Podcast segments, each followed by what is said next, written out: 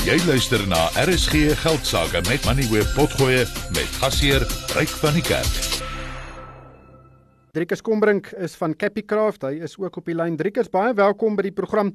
Kom ons begin by Standard & Poor's, die internasionale kredietgraderingsagentskap het uh, Suid-Afrika se vooruitsig uh van positief na neutraal aangepas. Nou dit is taamlik tegnies, maar baie mense het gedink dat ons kredietgradering gesny is deur hierdie groep, maar dis net die vooruitsig wat gesny is en dit beteken hulle dink dat uh hulle volgende beweging gaan onveranderd wees. Dit is nogal 'n interessante situasie. In die uh voor hierdie verandering het hulle gedink hulle volgende verandering in ons gradering sou opwaarts gewees het of 'n verbetering gewees het. Maar daar's nogal baie negatiewe reaksie gewees daaroor. Ja, ek dink ons ons media het natuurlik dit is 'n geleentheid gebruik om 'n uh, om uh, net op die waantjie te spring van sommige media.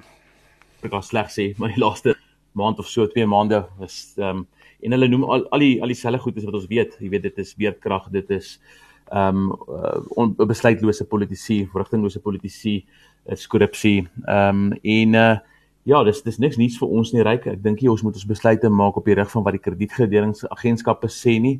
Hulle is altyd ehm um, laat wanneer dit kom by veranderinge. Daar's altyd prysverandering uh 'n maatskappy of 'n soewereine entiteit se staatseffekte sou lankal afgekoop het en dan kom hulle eers ehm um, na die afverkoping verby is met 'n afgradering. So ek dink jy te veel steur daaraan nie.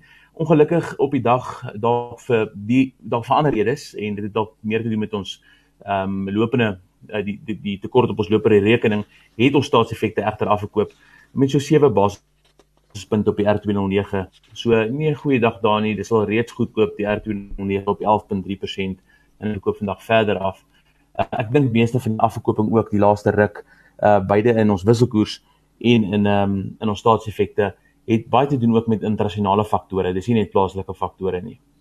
Ja, Dr Leila Fourie het uh, gisterand gesê, sy is die uitvoerende hoof van die JSE natuurlik. Sy sê hulle kon sien daar's 'n uh, eh, uitvloei van uitstaatseffekte wat dalk toegeskryf kan word aan die uh, gryslysbesluit, maar dat daar nog steeds 'n invloed is uh, vir aandele.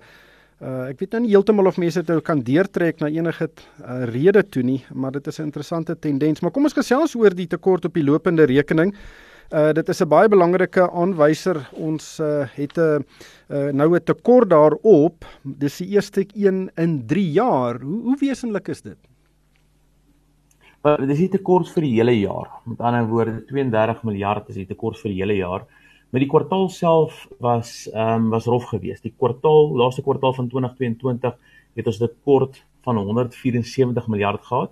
Maar as 'n ou so klein bietjie terugstaan en net sê wat was dit gemiddeld gewees kom ons sê die periode 2012 tot 2019 toe voor voor Covid en ons het ten minste na 2015 na die hulpbronne uh, na hulpbronne uh, in instorting gehad het hier 2015 rond het ons eh, 'n uh, lopende tekort gehad van min of meer baie jare te gegrens aan aan 200 miljard.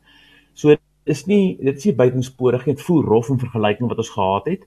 En natuurlik weet ons beerdkrag en dis meer, maar dit is nie die enigste storie in Transnet is daar. Maar die grootste rede ryk is dat hulpbronpryse natuurlik in die tweede helfte van verlede jaar baie afgekom het. Steenkoolpryse nog meer ehm um, in die eerste kwartaal van hierdie jaar, so ons kan verwag ehm um, dat ons handelstekort nog nog groter gaan wees en so ook dan ons loop ons die tekort op die lopende rekening nog groter gaan wees in die eerste kwartaal van hierdie jaar. En ehm um, ja, nog meer beerdkrag in eerste kwartaal gewees en en hulpbronpryse verder onderdruk in die eerste kwartaal van ons vernaamste uitvoere so steenkool. Maar die land die rand bly onder druk uh tans uh R18.54 teen die Amerikaanse dollar. Dink jy hierdie faktore het enigsins 'n uh, invloed op die wisselkoers of is dit maar net uh die Amerikaanse mark wat uh, regtig wisselvallig is en uh nie heeltemal rigting kry nie?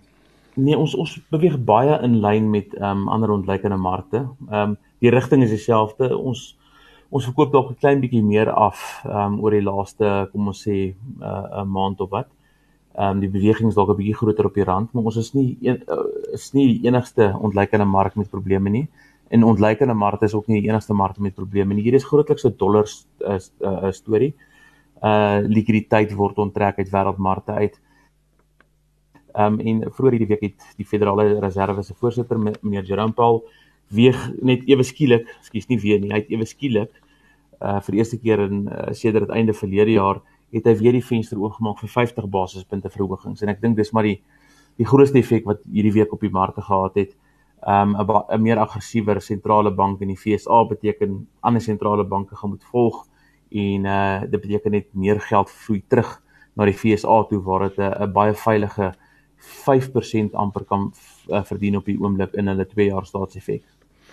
Ja, dan uh, die ek gesels nou later uh, ons gaan ons kyk na Standard Bank en Sanlam se resultate, maar uh, Outsurance het 'n uh, handelsverklaring uitgereik en hulle verwag dat hulle genormaliseerde verdienste met tussen 30 en 40 of tussen 31 en 41% vir die 6 maande tot einde Desember gaan styg en vir 'n versekeringsgroep in daardie tyd dis 'n dis 'n groot uh vir potensiële verhoging wat hulle gaan aankondig.